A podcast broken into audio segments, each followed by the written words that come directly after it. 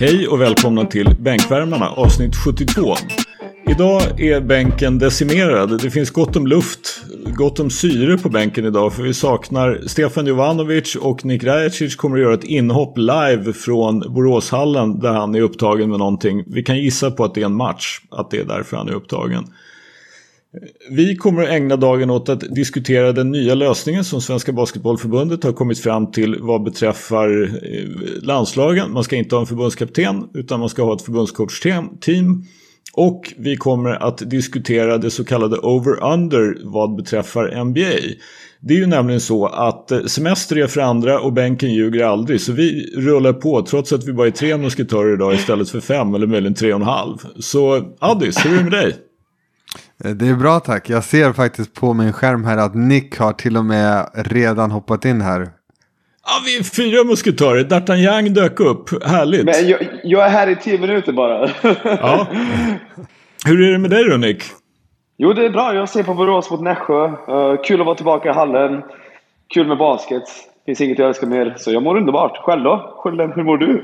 Jo tack, det är bra. Härligt att höra att du älskar basket igen. Det var ett par veckor sedan jag vill minnas att du tyckte att basket var det tråkigaste som fanns. Så det är härligt att du är dig själv igen och tillbaka hos oss. Johansson, hur är det med dig? Ja, det är bra. Jag repar mig från helgen och börjar mig redo för nästa helg. Så det, det är bara bra med mig. Härligt att höra. Jo, det är ju så här att i helgen som gick så hade då Svenska Basketbollförbundet någonting som man kallade en tip-off där man hade väldigt många olika punkter på programmet. Eh, man hade Dennis Hurtin från AIK Fotboll där för att diskutera ungdomsverksamhet. Man hade eh, människor från Alba Berlin, Marcus Erikssons klubb i Euroleague för att prata om hur de gör med sin ungdomsverksamhet. Och man släppte då nyheten att man inte kommer att ha en förbundskapten längre för landslaget utan man kommer att ha för landslagen ska jag säga, det gäller både herrar och damer. Så kommer man att ha ett förbundscoachteam med fyra coacher som också ska fungera då som en eh, dessa fyra coacher är mentorer åt varsitt av ungdomslandslagen U18, U20, U16 och U15. Ursäkta den dåliga ordningen där på, från mig, men ni fattar.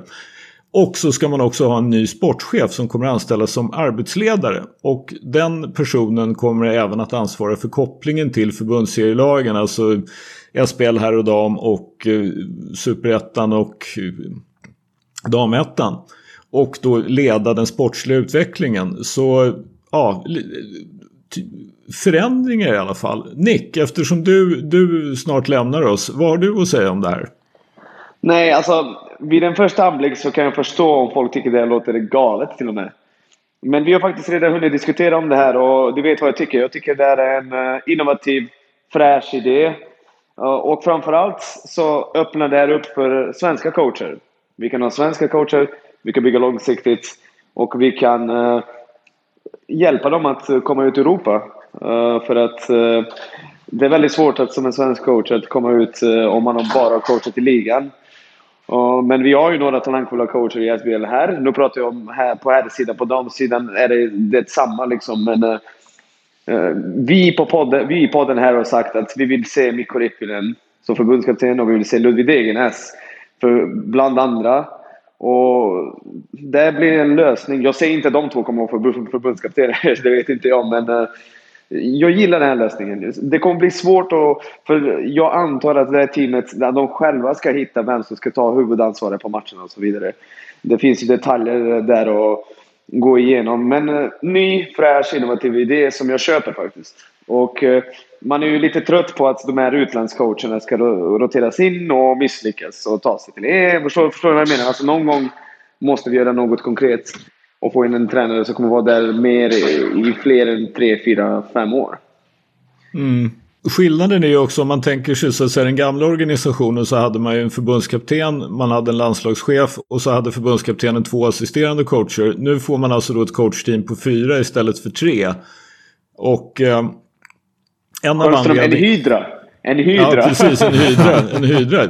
Alltså, jag, är, jag är faktiskt jävligt sur på det här att de, att de bara är fyra. De borde ju förstås vara fem och så ska bänken ha ett landslag. Det, det är ju liksom helt självklart. Alltså, jag fattar inte det. Men ja, vad ska man göra? För det funkar ju inte att man ska ha ett förbundscoachteam och så ska en av oss vara landslagschef. Utan det måste ju givetvis vara så att bänken har ett eget landslag. Vi, vi, får, vi får ta upp det här med Jolamo hur vi ska lösa den här frågan. Men det, men det jag tänkte säga var i alla fall att det är ju Skillnaden då så att säga är ju egentligen att man tillför en coach och att man skapar en lite, lite plattare organisation än den här hierarkiska där man har en förbundskapten som har två assisterande coacher. Så man tillför ju liksom en coach kan man säga och så måste man då eh, som sagt lösa problemet med Ja, men liksom, förr eller senare så måste, måste man ha en beslutsordning när det kommer till matcher. Och, du gillar ju... Ja. In, in, förlåt, innan jag drar, för jag måste dra snart, måste jag säga att jag älskar att uh, var och en kommer ha ansvar för liksom, sitt eget ungdomslandslag. Det tycker jag är nästan det bästa i det hela. För nu mm. kan vi, vi har pratat om det här i tio år. Vi vill se röd tråd, vi vill se ett svenskt landslag spela på ett visst sätt. Så att spelarna när de går upp kan förstå vad de ska göra på planen.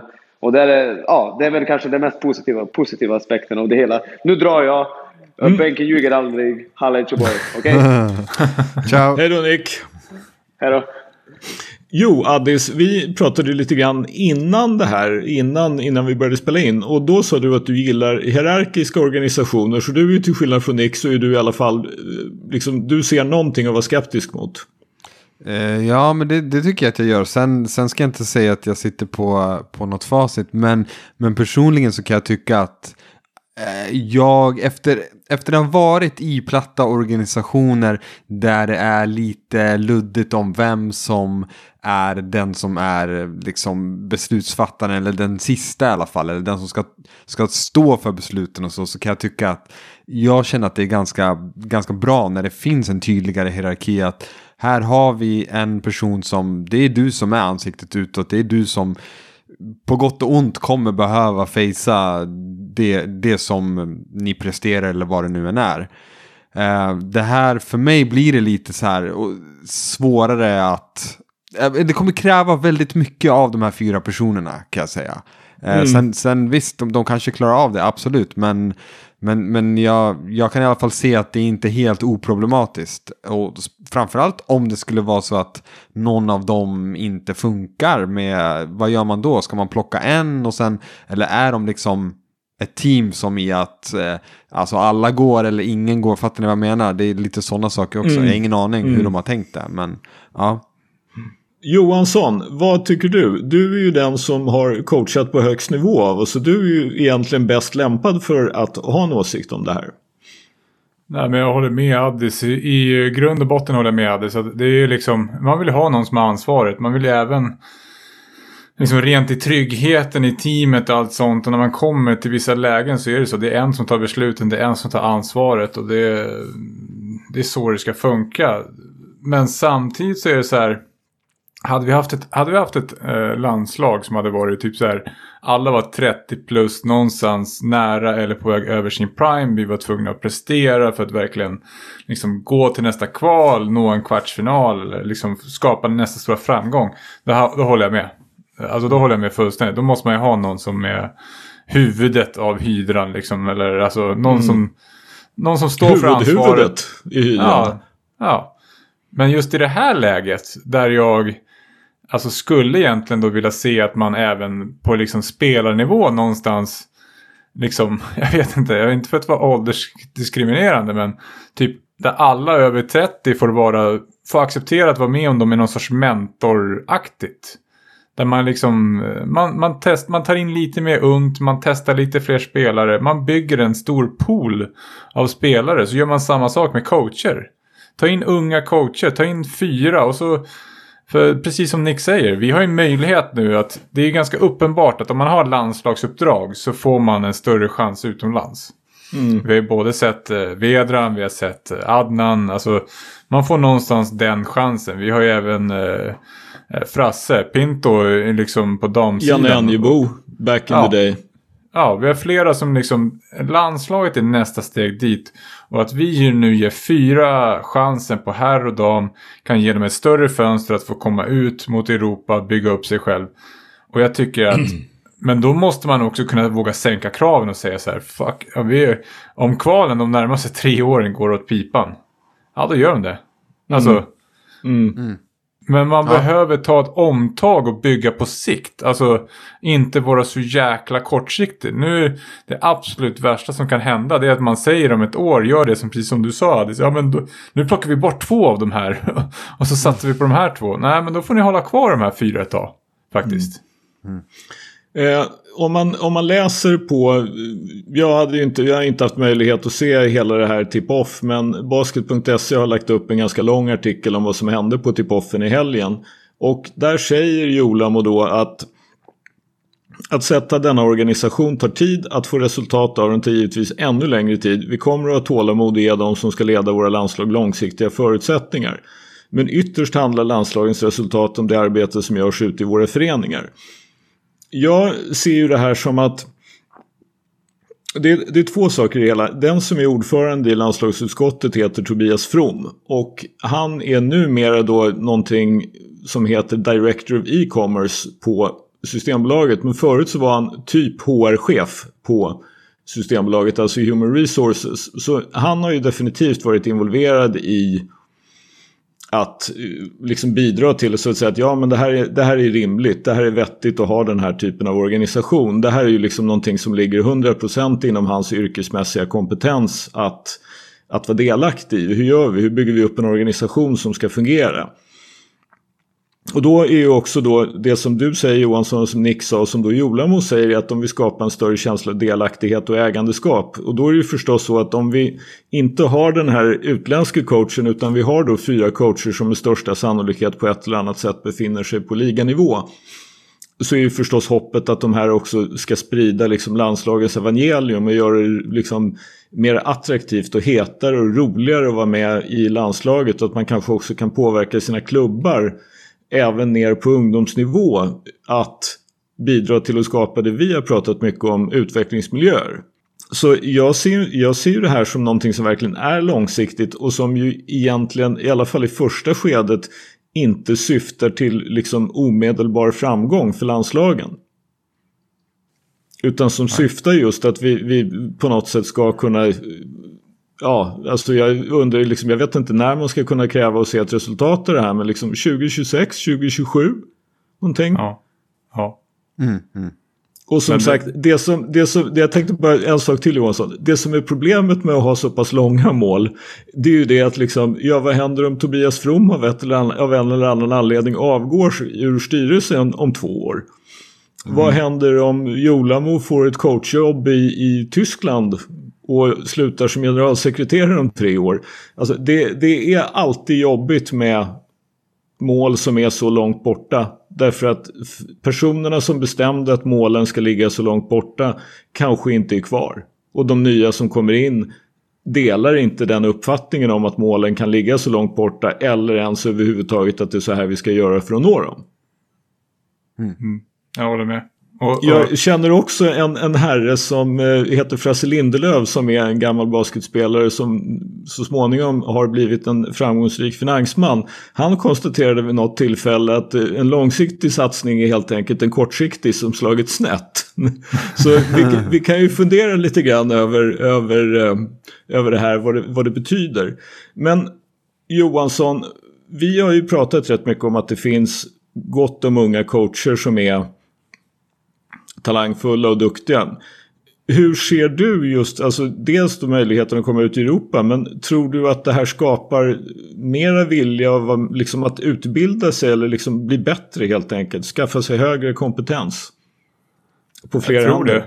Jag tror det. Men eh, det är ju den absolut snårigaste uppgiften nu skulle jag säga för liksom ledningen. Det är ju hur sätter man samman de här coach... Alltså, Mm. för, alltså som du säger, vi har många unga lovande och nu sitter det säkert några gubbar där ute och säger var är min chans? Alltså, Mm. och, och då är sammansättningen av att så här, hur många Ska man ha någon senior, alltså mer seniora coacher med? Alltså som har varit rutinerade. Vi har ju liksom, vi har ju ändå ganska mycket landslagserfarenhet i Ökvist, Gerke, eh, eh, som du sa, Enjebo och så vidare på damsidan. Alltså vi har ju, och hur får man den mixen? Alltså, för det kan ju vara så att vi har en platt organisation på papper. Hur blir det när eh, människorna möts? Liksom. Mm. Det är, det är ett jävla snårigt att sätta ihop ett lag. Men sätt, tänk att sätta ihop fyra coacher. Jag kan lova att coacher kommer dit för att de gillar till viss del ändå att höra sin egen röst. alltså. Och lite grann är det så. Alltså man vill ju ta plats.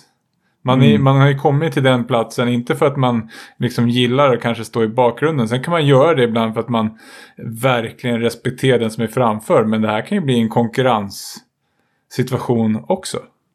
Mm. Men jag tror definitivt att det är en morot. Alltså att se de här yngre coacherna nu i högsta ligan. Att se Mikko Rippinen vinna senaste året. Att se Ludde vinna året, några år innan. Alltså det, det, måste, det skulle vara en morot för mig som ung coach. Alltså som alltså verkligen Mm. vilja. Och vi ser mängder av talangfulla. Även på damsidan. Kevin Taylor Lundgren och så vidare. Det är ju, vi har talang. Mm. Och jag tror att det här kommer fostra mer talang. Men det är en snårig väg dit. Och det är en lång väg som du säger. Men Det är ju lite som du säger just där att när man sätter ihop ett team som består av fyra personer och man tänker sig att det ska vara en, en, en lite plattare organisation. Så ett måste man ju jag tror att det är mycket begärt att sätta ihop en grupp liksom av fyra människor som är vad ska vi säga, det kanske inte skiljer supermycket liksom i meriter eller kompetens eller alltså vad det nu är. Och räkna med att de själva ska lösa en rollfördelning sinsemellan. Där, ja men okej, fem i sju liksom, fem minuter innan match, vilka ska starta, vem bestämmer? Ja. Vem är det som liksom har sista ordet på att kalla en timeout eller säga vi, vi, vi gör så här? Alltså, i, I en matchsituation så måste det ändå vara ganska tydligt liksom, vem är det som bestämmer? Ja, exakt. Det var det jag menade när jag menade att liksom det, det kommer kräva väldigt mycket av dem. Eh, individuellt. Att behöva någonstans acceptera sin roll. Trots att man någonstans också är, vad ska vi säga, på samma nivå om ni fattar vad jag menar. Eh, där, ja. Men, men det, alltså, det kanske går, det kanske blir jättebra, det vet, det vet jag inte. Eh, men eh, ja. Ja, men det, är det är ju spännande, det är ju kul att man liksom har en, har en idé, tycker jag. Som, är, som ju går lite grann på tvärs mot eh, Ja men just det, det finns ju liksom, precis som det finns myter om spelare som LeBron och Jordan så finns det ju myter om coacher också.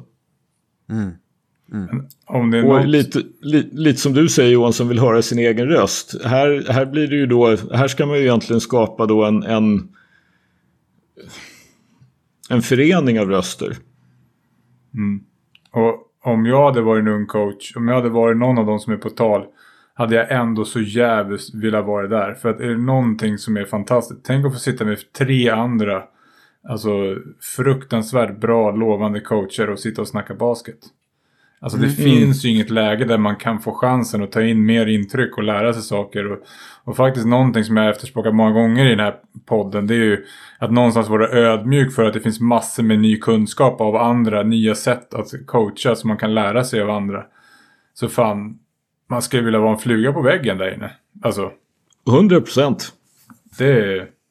Och jag hoppas att många, många yngre coacher också förstår den insikten att om man har coacher och coachar med andra, coacher med rutinerade och även de rutinerade, ta för fan chansen att lära av varandra. Mm.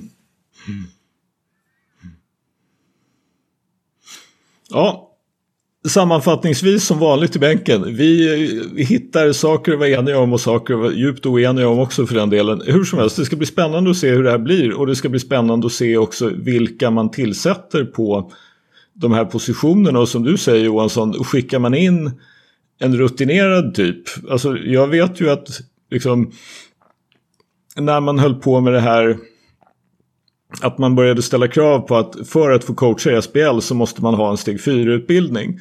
Så gick ju Kelly Grant och Jonte Karlsson fick ju då gå steg 4. Och man kan ju utgå ifrån i, i det här att liksom, ja, då fanns det ju två seniora personer på den här kursen som hade varit med om mycket och som har coachat. Och om man är ung coach så får man ju ett jättetillfälle att lära sig någonting. Däremot måste ju, om man tar in en senior coach som inte nödvändigtvis är den som ska ha huvudansvaret så måste ju den personen också acceptera sin roll och vara väldigt ödmjuk inför den. Ja, alltså som sagt, eh, det, det ska bli väldigt spännande och det ska bli sjukt kul att se vilka de, vilka de till sist väljer ut för de här jobben. Och också så kanske det känns också som att det blir eh, mer intressant än vanligt att se vilka ungdomslandslagscoacher kommer upp liksom nu i det här. För de, det blir ju tydligare tycker jag också en, en trappa att liksom, ja det här är nog den väg vi tänker oss att det ska gå. Att liksom innan du kommer, alltså att du liksom lite grann att det finns en trappa upp till, till landslagen och att rimligen så tänker man sig att man ska få då av sina mentorer en utbildning om man finns i coachstaben runt ett u-landslag för att så, att säga, så småningom kunna komma upp till eller åtminstone närma sig seniorlandslagen. Mm. Ja, precis. Mm. Eh, vi satt här och klagade innan vi drog igång att det spelas väldigt lite basket. Men det hindrar ju inte oss från, vi hittar ju alltid saker och ting att diskutera. Och relativt nyligen så har oddsättarna i Las Vegas släppt odds som då på någonting som man kallar för over-under. Det vill säga att man sätter en lina på varje, vad man räknar med att varje lag ska presentera i eh, Eh, i grundserien och så kan man då bestämma sig för om man nu är en gambler vad vill jag satsa på? Vill jag satsa på att Brooklyn Nets till exempel då tar fler än 55,5 vinster eller ska jag satsa på att de tar färre än 55,5 vinster? Det finns massor med olika bettingsajter som har satt odds. Vi har valt den som promotas på NBAs egen hemsida för att få någon form av liksom officiell teori om det här. Vi kan bara kortfattat säga att de tre favoriterna är Brooklyn Nets på 55,5 vinster av 82 matcher då. Bucks Milwaukee Bucks titelförsvarande Milwaukee Bucks har 54,5. Los Angeles Lakers har 52,5.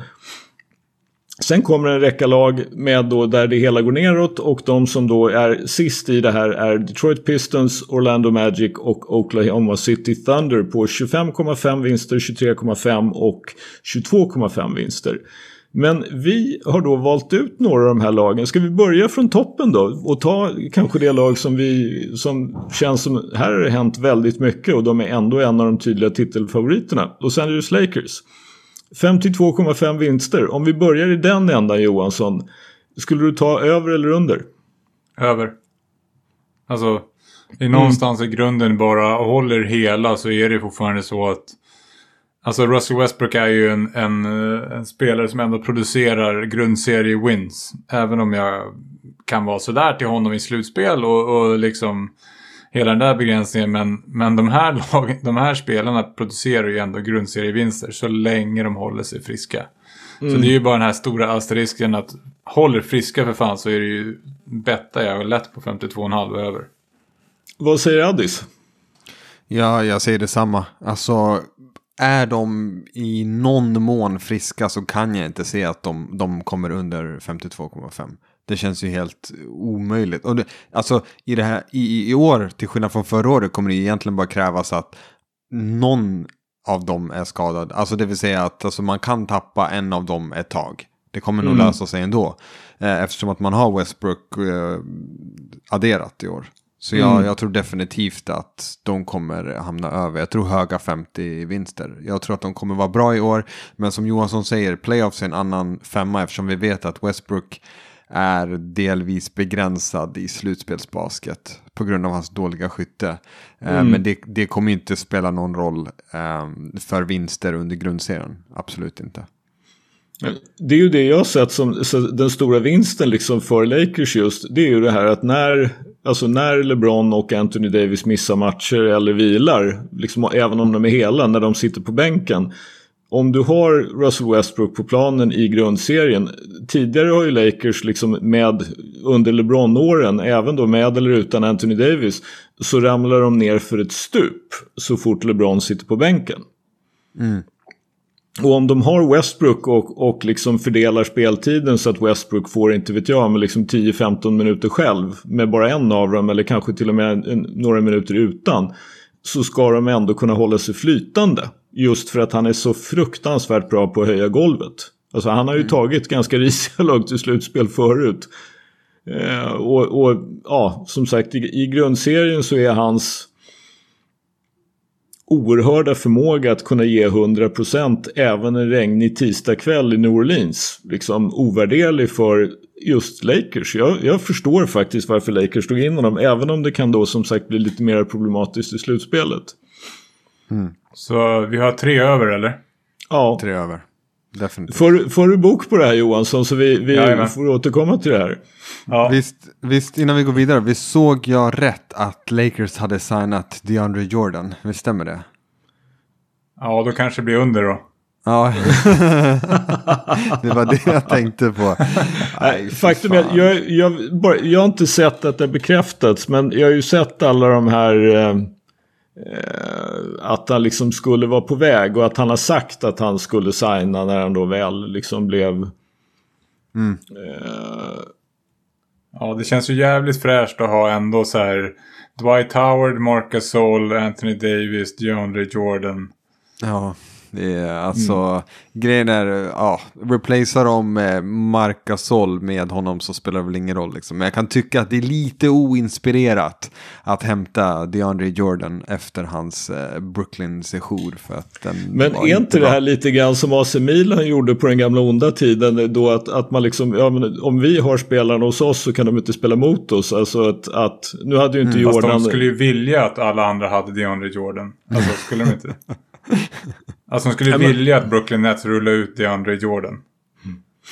Jag hade Jo, fast, det. fast, fast det, just det tåget har ju gått så att säga. Det kommer ju inte, det kommer inte, det skulle ju inte hända eftersom de har gjort sig av med honom. Men, men eh, jag tror ju ändå att det de, det de lite grann tänker sig det är ju det här som de ändå fick det året de vann titeln i bubblan så fick de ju ändå någonting av det här att kunna spela enormt stort. Det, trots trenden i, i NBA att spela litet så kunde de ju liksom spela 15 minuter Dwight Howard, JaVale McGee tillsammans med Anthony Davis och LeBron och skapa problem i den offensiva returtagningen och klara sig ganska bra i försvar ändå. Tack vare då att LeBron och Anthony Davis är stora men kan spela på mindre spelare. Så, bli- så liksom de, de fick ju någonting ut av det. Så jag, jag ser väl liksom de behöver fylla roster spots och då tycker de att liksom, ja, någon av Jordan, Howard och Marc Gasol kommer att vara hel. Ja, men på tal om magi. av dem. Jag har hellre magi än eh, någon av dem där, tror jag. Ja, Alltså, Ja. faktiskt. Mm, mm. ja. Eh, men, men, ja. Ja, ja. Det, de löser det. De löser linan i alla fall. De över. Vi alla säger över, Över. 52 Mm. och en halv vinst eller vad det var. Mm. Mm. Yes. Som sagt, vi, vi vill ju diskutera lag det är lite press på. Det är alltid press på Lakers. I alla fall när de, om, man har, om man har LeBron och Anthony Davis och adderar Russell Westbrook. Då är det fet press skulle jag vilja säga. Och det, den kommer de inte klara av att leva upp till i grundserien. Men, men man såg ju i fjol, det finns poänger med att ha en bra placering i grundserien och få en lite lättare väg i slutspelet. Eh, Lakers åkte ju direkt i fjol mot, mot Phoenix Suns Yes. när de var, när de liksom var skadeskjutna. De hade kanske klarat sig mot ett sämre lag om de hade haft någon chans att få tillbaka någon. Det är väl tveksamt om de hade, om de hade haft just i fjol, liksom om det hade spelat någon roll. Men får man en, får man en stukad fot på någon och är borta en vecka, liksom, då kanske man kan överleva mot en sjunde eller åttonde sida och sen så vara redo för andra rundan när det kommer bra lag igen. Så det, det är ju... Det har sina poänger att komma hyfsat i grundserien. Nästa lag då är Philadelphia 76ers på 51,5 vinst. För övrigt samma som de sätter Phoenix Suns och Utah Jazz på. Addis, vad säger du om Philadelphia 76ers? Låt mig gissa, det har någonting med Ben Simmons att göra. Eh, ja, det har ju definitivt med Ben Simmons att göra och vad det har att göra med honom är att jag räknar kallt med att han inte slutför säsongen i Philly. Alltså han kommer att bli tradad om det är nu, imorgon, strax innan säsongen eller under säsongen, det vet jag inte. Men jag räknar med att han inte är kvar där eh, inför playoffs och eh, med det sagt så har jag jättesvårt att se att de inte går över med tanke på att de vann 49 matcher förra året i en säsong som var 10 färre matcher än den som kommer spelas i år och att Embiid missade 20 av de matcherna. Och ändå så, så löste man 49 vinster. Eh, vad man än får för Bens, jag ska inte säga vad man än får, men får man ett realistiskt paket med, med någon form av point guard som kan hantera bollen och skjuta så ja, definitivt över 51 säger jag. Mm. Då vänder jag på och säger, jag säger under. Okej, Okej. motivera. Ja, jag, jag tror inte, jag tror att Ben Simmons kommer hänga kvar alldeles för länge. De kommer fortsätta begära för mycket och det kommer, kommer bara, det kommer vara jobbigt för laget. Och sen det här med Ben Simmons, eh, jag vet det, att Embiid missar 20 matcher. Ja, han gör det. Alltså, Mm. Ja, men, men, alltså- hellre 20 av 82 än 20 av 72. Men, jo ja. men alltså okej, tror, du han miss, tror inte han missar 25 den här månaden? Alltså, killen är skadebenägen. Alltså det, Jag tyckte ändå att de hittade någonting sorts spel i grundserien ändå och lyckades leva på att de spelade ganska bra förra året. Eh, så att jag, jag, tror att, jag tror att det här med Alltså det är ett jävla kemiskt avfall det här med Ben Simmons. Och han kommer få hänga kvar för länge. För Maury vill ha typ fyra first round picks och en future Hall of Famer för honom. Och det, det kommer inte gå. Så jag tror bara att jag, tror att han, jag tror att han är beredd att ta det ena eller det andra. För får han fyra first round picks så kan han ju trada dem mot en spelare. Jag tror att han är helt ointresserad av picks. Det var han i alla fall i Houston. Ja, men jag tror bara att, Alltså, jag tror bara att- att det att kommer vara ha för mycket, för mycket skit under säsongen. Alltså alla lag som lever under den här pressen, väldigt få fungerar bra. Mm. Mm.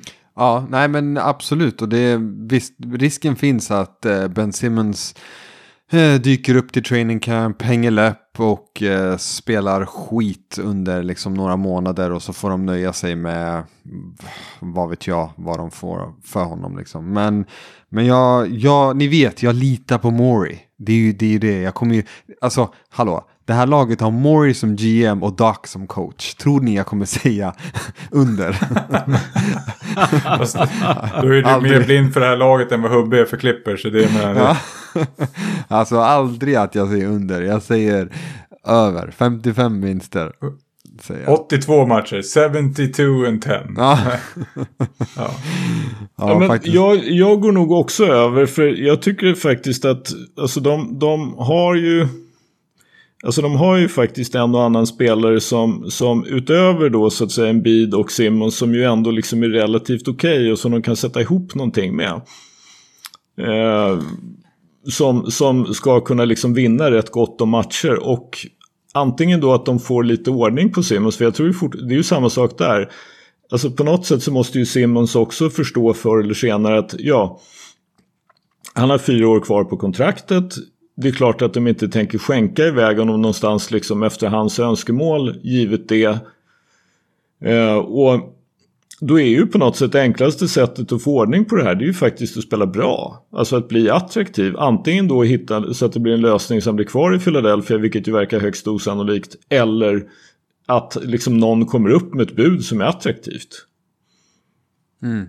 Jag menar så, så länge, för som det är just nu så väntar liksom så väntar ju egentligen alla på att ja, han har ju sagt att, eller det har i alla fall kommit ut rykten. Man vet ju inte om han faktiskt har sagt det, men det har kommit ut rykten om att han vill bli tradad och att han inte tänker dyka upp på training camp när det startar. Och det är ju lite det här James Harden-läget att liksom tvinga sig till en trade och att ja, förr eller senare så måste man ju förstås överväga det här. Man kan liksom inte ha en spelare som tjänar så mycket pengar och är så pass bra som Ben Simmons ändå är som en distraktion hur länge som helst. Framförallt inte om man har Joel Embiid och eh, Tobias Harris. Alltså man behöver en byggsten till så är man ju, tycker jag också, liksom lätt över 51,5. Okej, jag går under. Let's go. Vi går över. Eh, nästa lag som vi helt random valde ut är lag som i den här rankingen som vi tittar på då, over-under, har de som nummer sju tillsammans med nummer åtta Miami Heat på 48,5 vinster och det är Golden State Warriors. Addis, det är ju Steph Currys lag, det är klart att du får börja. Men det är dunder över. Den här är ju kanske mest självklara av dem alla. Jag, den, här, den här skulle jag, jag är ingen bettingman av mig. Men vet ni vad? Jag kommer att lägga en slant Bolånet kommer jag lägga på. Uh, nej, men...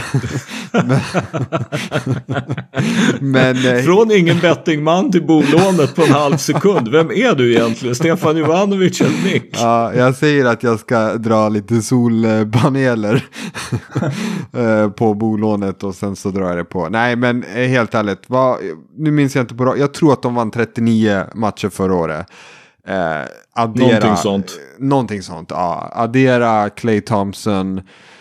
Eh, plus antingen en massa unga spelare eh, eller trade pieces som de kommer landa någonting annat med. Beroende på vad de vill göra under säsongen. Men eh, det här ser jag, det är över. Definitivt. Jag, jag har dem som en contender.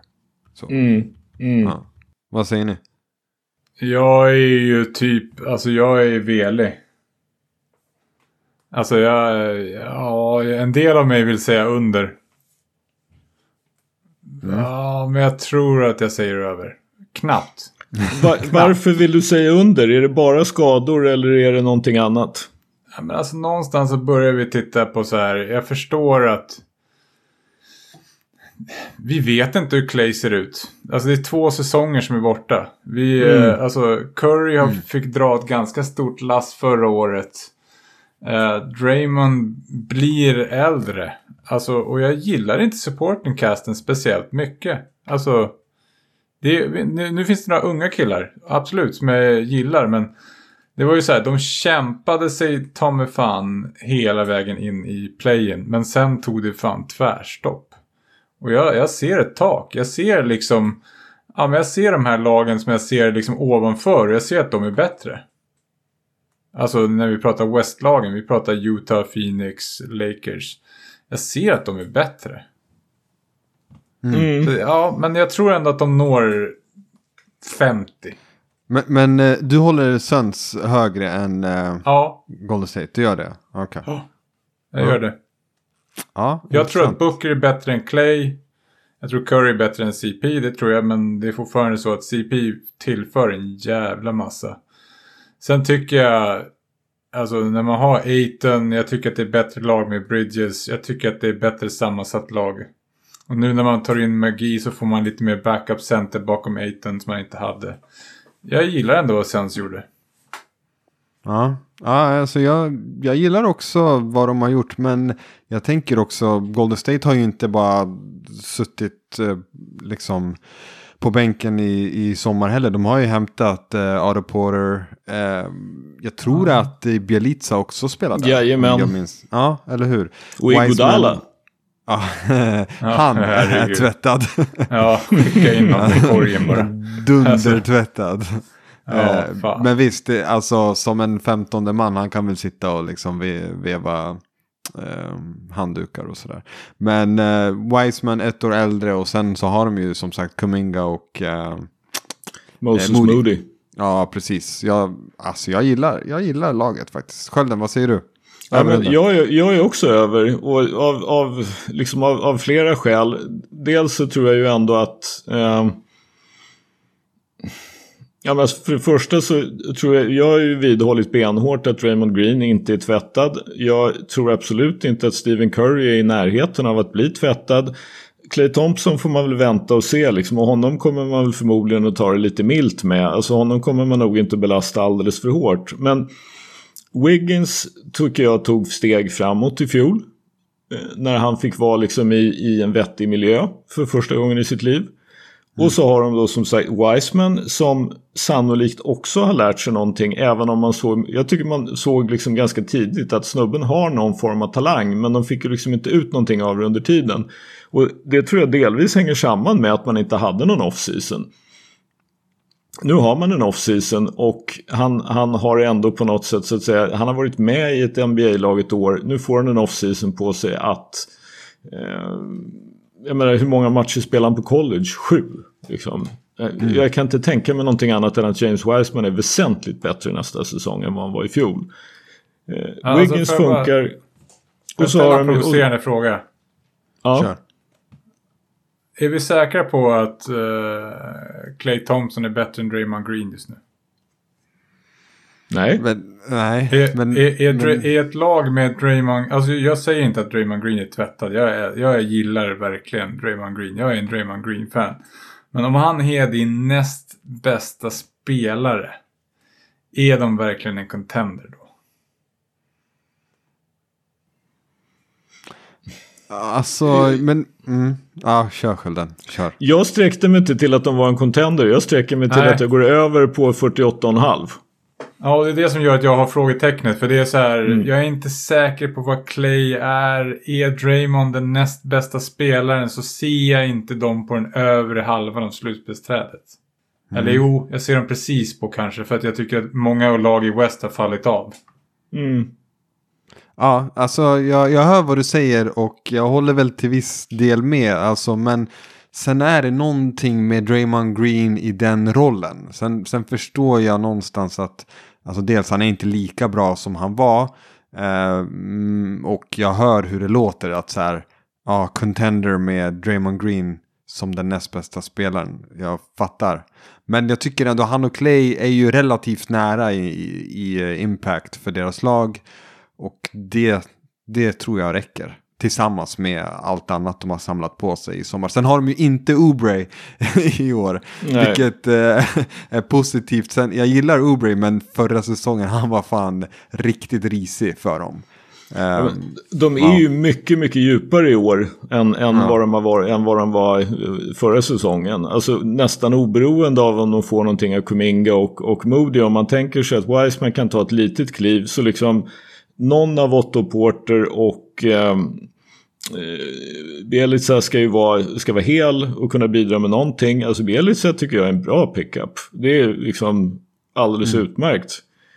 Han, han, kan tills, han kan spela med Draymond och han kan spela utan Draymond. Han kan spela med Wiseman och han kan spela utan. Alltså det är...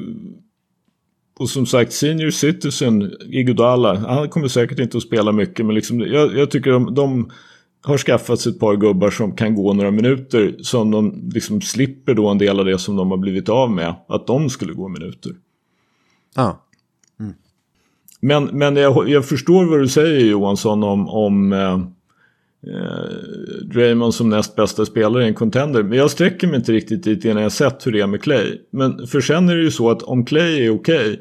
Då är det här med liksom vad Draymond och, Green, vad Draymond och Clay och, Curry är individuellt är en sak. Men tillsammans så är de en sjuhelvetes trojka.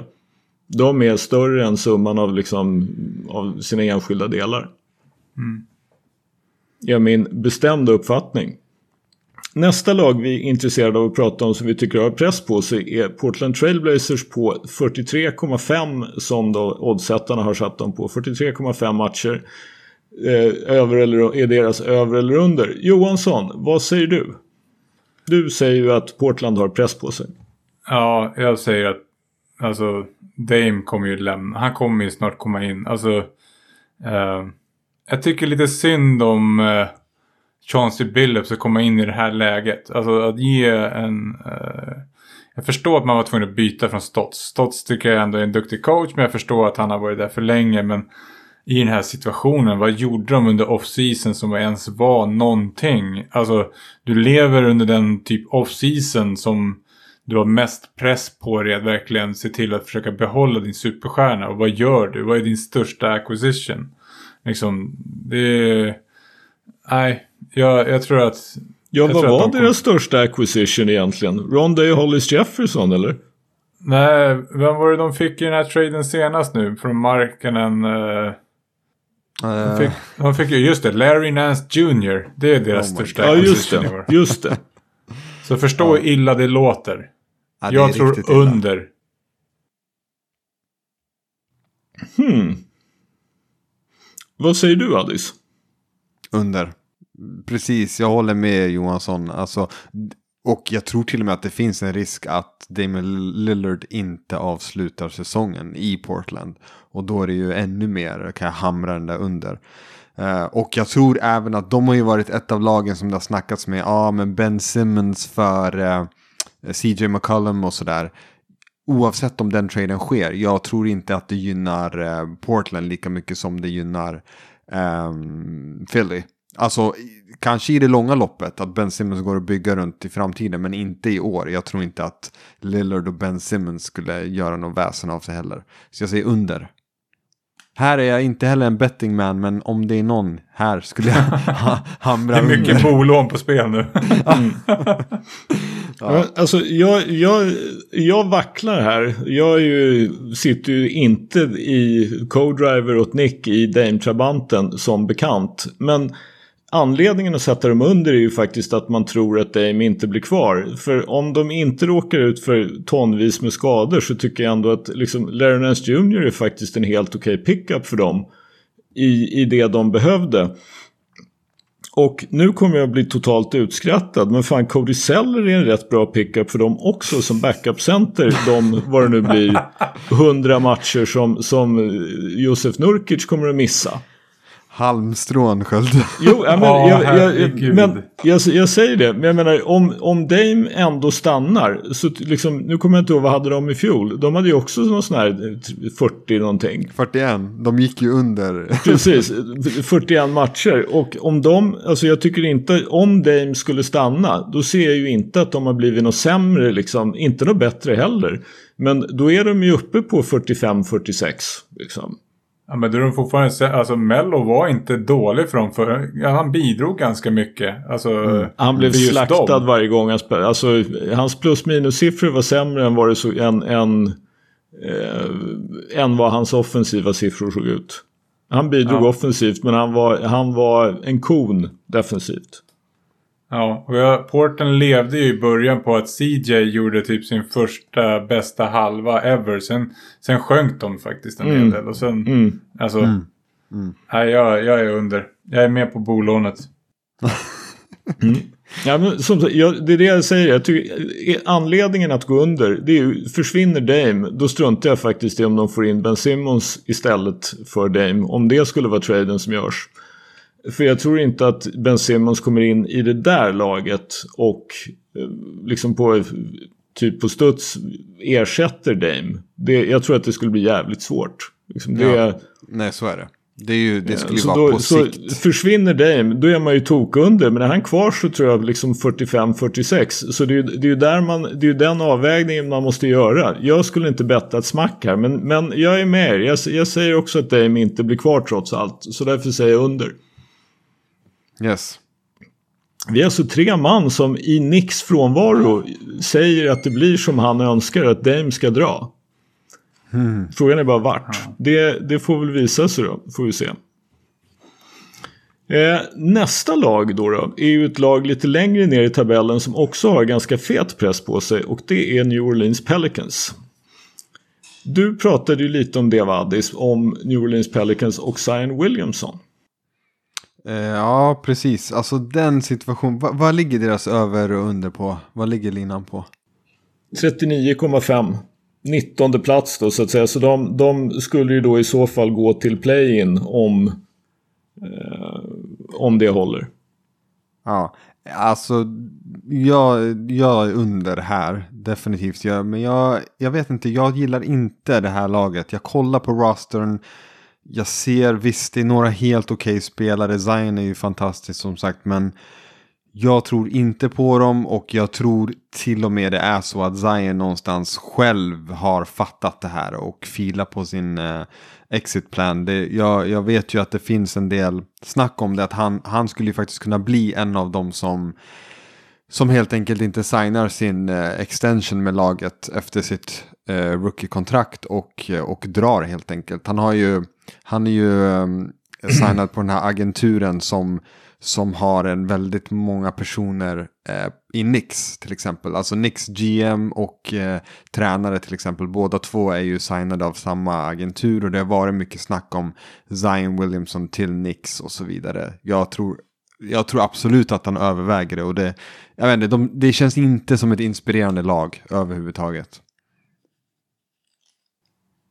Nej, vi, vi kan ju säga det att de har ju då alltså Zion och Brandon Ingram som ju är liksom kvar från i fjol. Sen är det ju en hel del nytt. De har tagit in Devonte Graham. De har tagit in Jonas Valanciunas och sen så har de ju då i den här traden som blev med Chicago Bulls så har de ju tagit Satoranski, Thomas Satoranski och Garrett Temple. som ju är Ja, det, det är ju helt okej okay spelare om de är dina sjunde, åttonde, nionde gubbar. Men någon av de här kommer ju starta. Mm. Mm. Och någon av dem kommer att komma tidigt från bänken. Om inte då, alltså typ Devonte Graham är helt briljant. Eller Nikhil Alexander Walker tar ett stort kliv. Liksom. Det, det är ju... Och sen så har de då tycker jag i och för sig då lite grann gjort en uppgradering med Valanciunas istället för Steven Adams. Det, det, tror jag ändå att där, där har de gjort en trade som gynnar dem just i år. Men mm. jag är också under därför att jag förutser att de kommer att bli tvungna att göra fler moves under säsongen som går. Och jag ser inte riktigt... De har en massa picks, men vad kan de paketera med de här picksen som gör att de får en spelare som gör någon skillnad? Och de kommer förmodligen att försöka jaga det för de fattar väl också det här att de måste vara competitive för att kunna få behålla Zion. Mm. Ja, så är det. Johansson, vad tror du? Jag säger som Nick, så här är det. De, de har blivit sämre. Alltså de har blivit ännu sämre än förra året.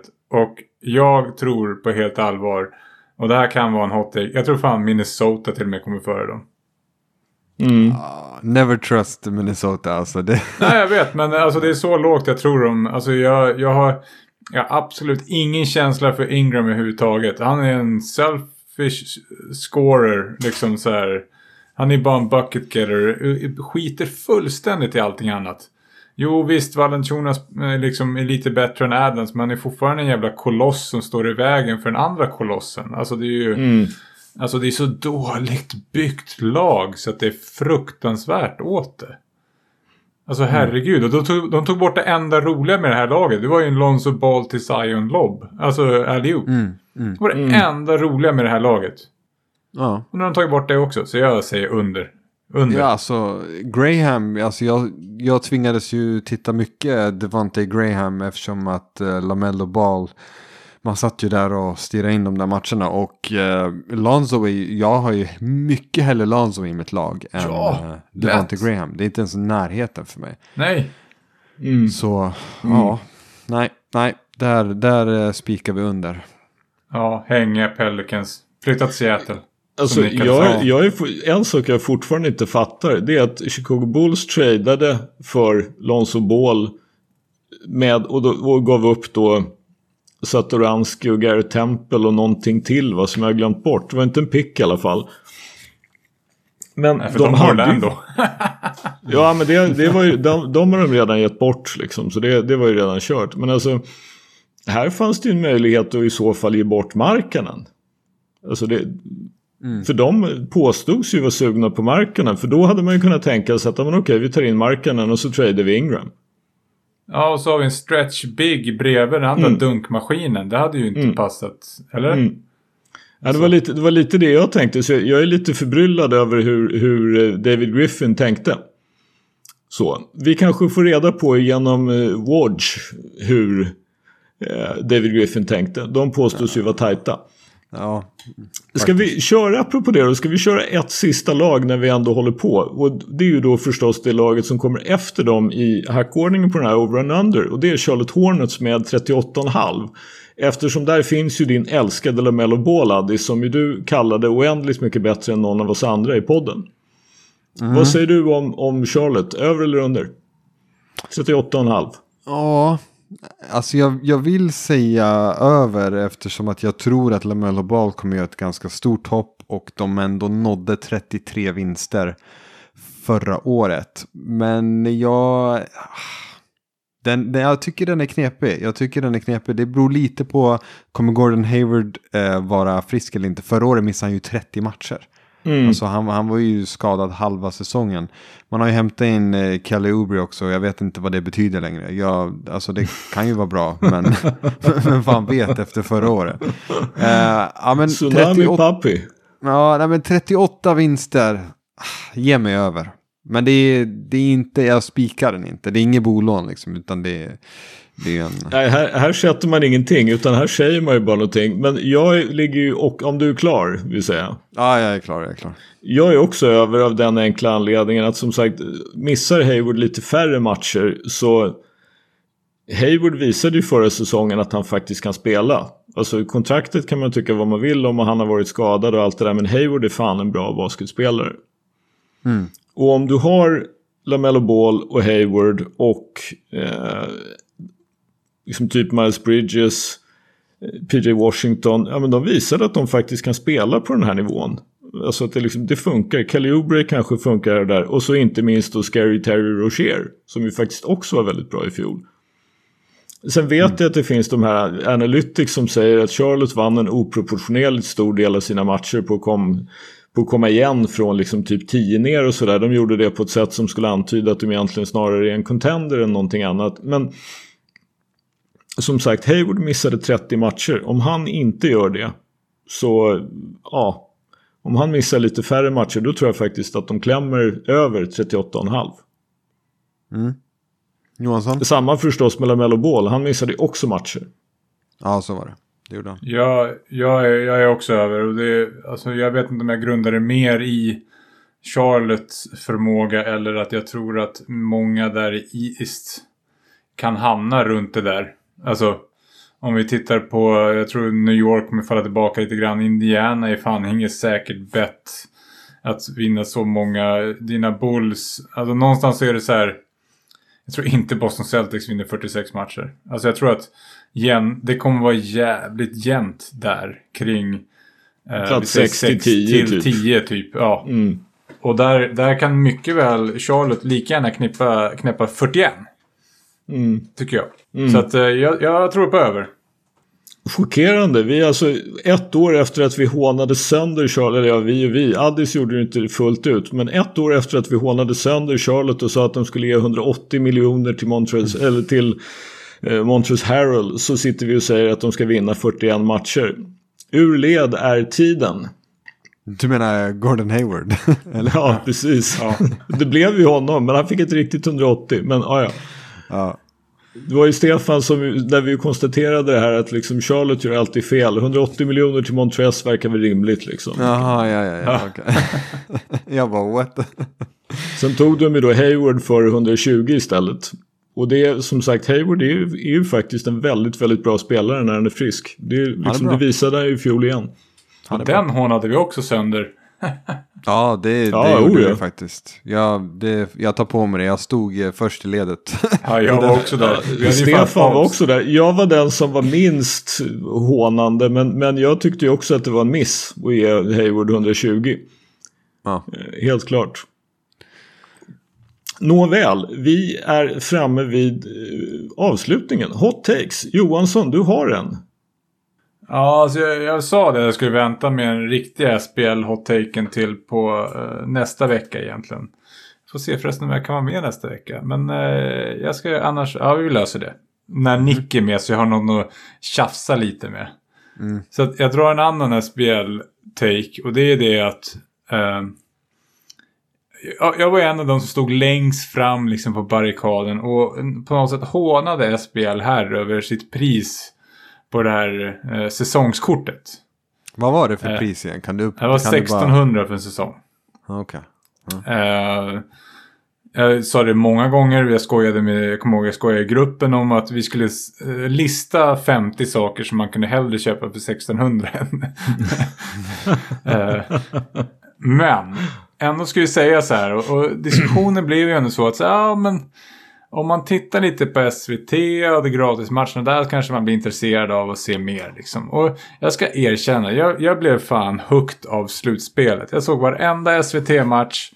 Eh, kvartsfinaler, semifinaler, finaler. Och jag tänkte så här, shit, nu, jag är med. Jag har sagt det i gruppen, jag har sagt det till Nick. Jag kommer köpa i år. Eh, givet att de inte höjer priser förstås så kommer jag köpa. Så jag kommer följa SPL. Men så går jag in på SPL Alltså SBL Play och alltihopa. Jag försöker hitta pris, jag känner mig taggad och så... Jag hittar inget. Alltså... Går man in under produktpaket idag så kunde man ju då köpa hela den här träningsturneringen som var i helgen i Köping för 149 spänn. Ja, och jag, jag kände Det är väl en antydan att... om att de inte tänker sänka priset i alla fall.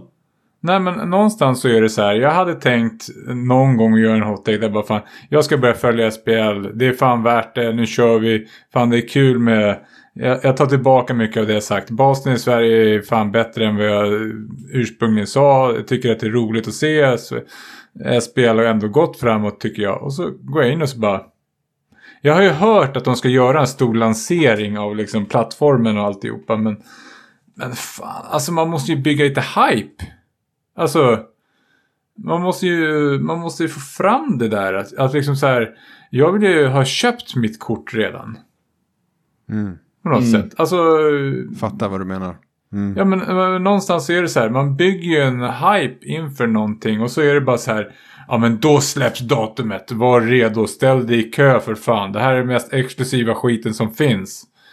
Och så, jag har ju fan till och med gått in och försökt leta efter det, var jag kan köpa skiten. Men jag hittar Mm. inte. Nej. Man, Alltså, man hade och- ju... Ja. Ja, kör. Nej, men de hade i alla fall kunnat liksom pixlat en bild eller något på, på priserna. Ja, ja, eh, jag, jag hajar, Nej, men- jag fattar vad du menar. Alltså, ja. Och jag säger det i välmening för att jag vill ändå att nu att alltså, fler kanske ska stötta det här och faktiskt köpa det här grejen. Men, men de gör det fan svårt för mig. alltså, Mm. Mm. ja. Nej, men så att jag, jag kommer refresha deras sida lite då och då och hoppas på att de kanske kommer ut med någon information. Min gissning är att de vill vänta och se lite grann hur, hur det vecklar ut sig på mm, alltså publiksidan. Har man möjlighet att gå eller inte? Alltså, Ja. För- Min teori är att de inte har bestämt priser bara. Ja, men jag, ja, men jag tror att de inte har bestämt priset på grund av det. Att för, Man kan ju ändå tänka sig att, ja, men okej, 1600.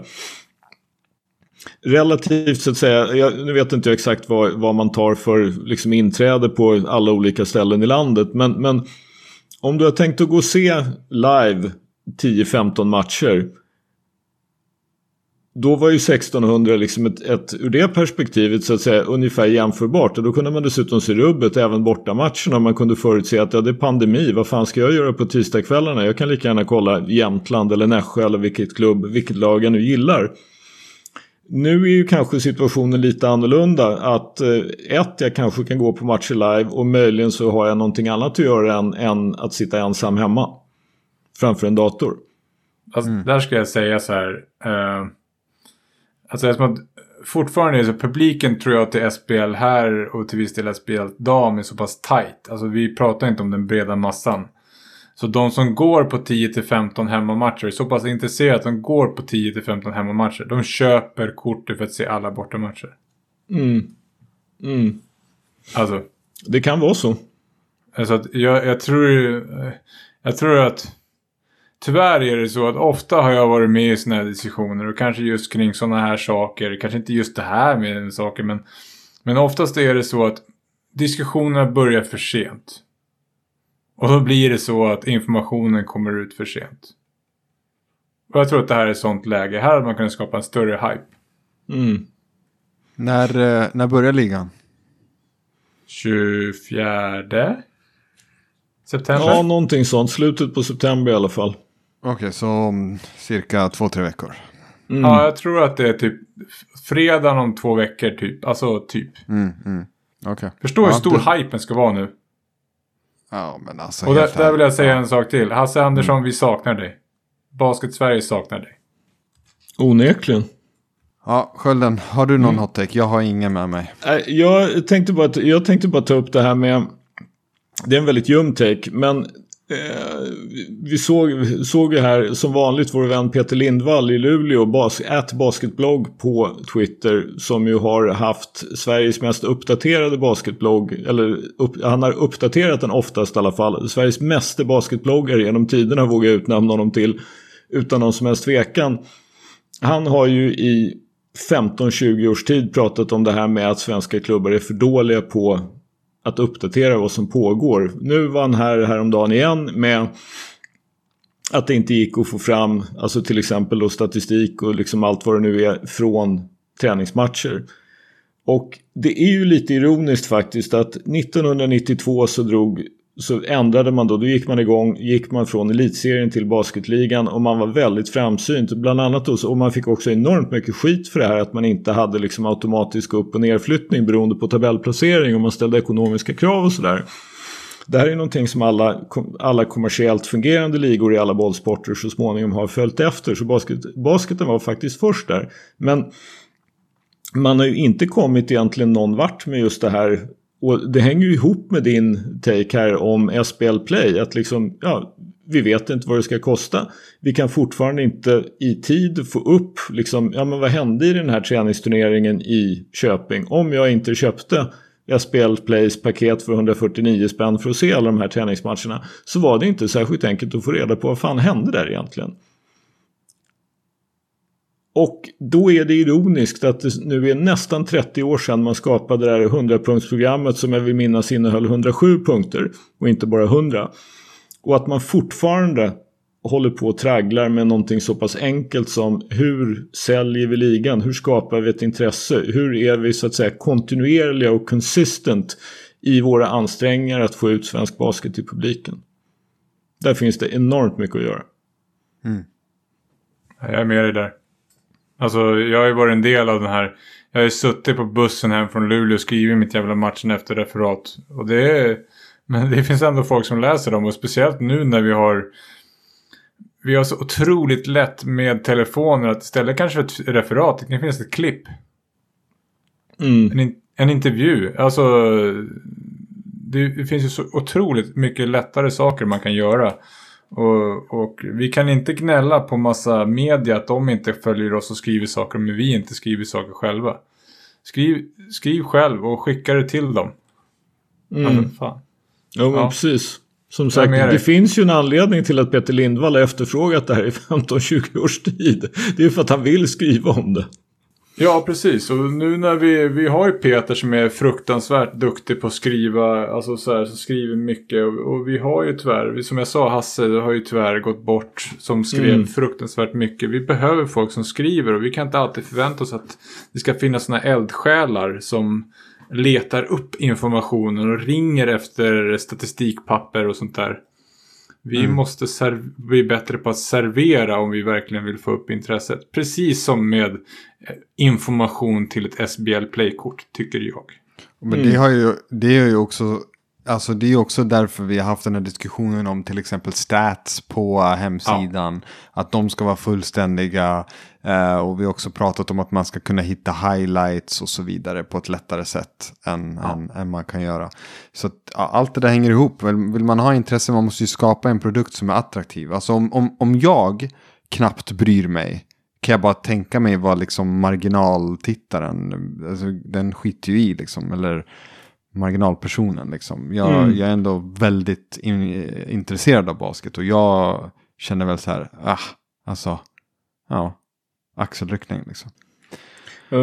Jag bara gick in nu på SPL här för att liksom bekräfta lite grann då. Så då på splher.se så spelade man då de första träningsmatcherna som ligger uppe. Resultaten är från 27 augusti.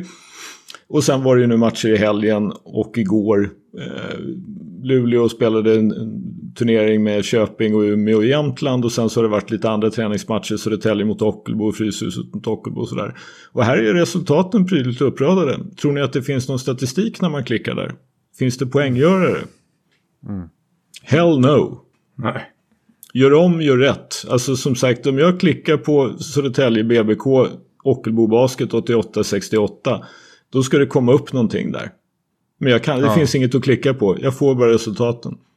Nej, och att se resultatet 88-68 till exempel. Det är ju ganska irrelevant. Man vill mm. ju få en bild Särskilt av vad som har hänt i matchen. Ja, precis. He ja, Då vill jag exakt. ju se liksom, någon av de nya jänkarna. Var han bra? Exakt, exakt. vet du vad det är? Det är till och med helt ointressant. Faktiskt, eh, slutskåren. Totalt ointressant. Ja. Så, ja. Mm. Med andra ord, skärpning. För kom ihåg, bänken ljuger aldrig. Ja, så är det. Så är det. Ja, färdiga för idag. Avsnitt 72. Ni vet vilka vi är. Ni vet vad ni får tag i oss. Ni vet vem som har producerat och vem som har gjort musiken och hela det där. Och jag upprepar. Glöm för fan inte att bänken aldrig ljuger. Hej då. Ciao. Ciao.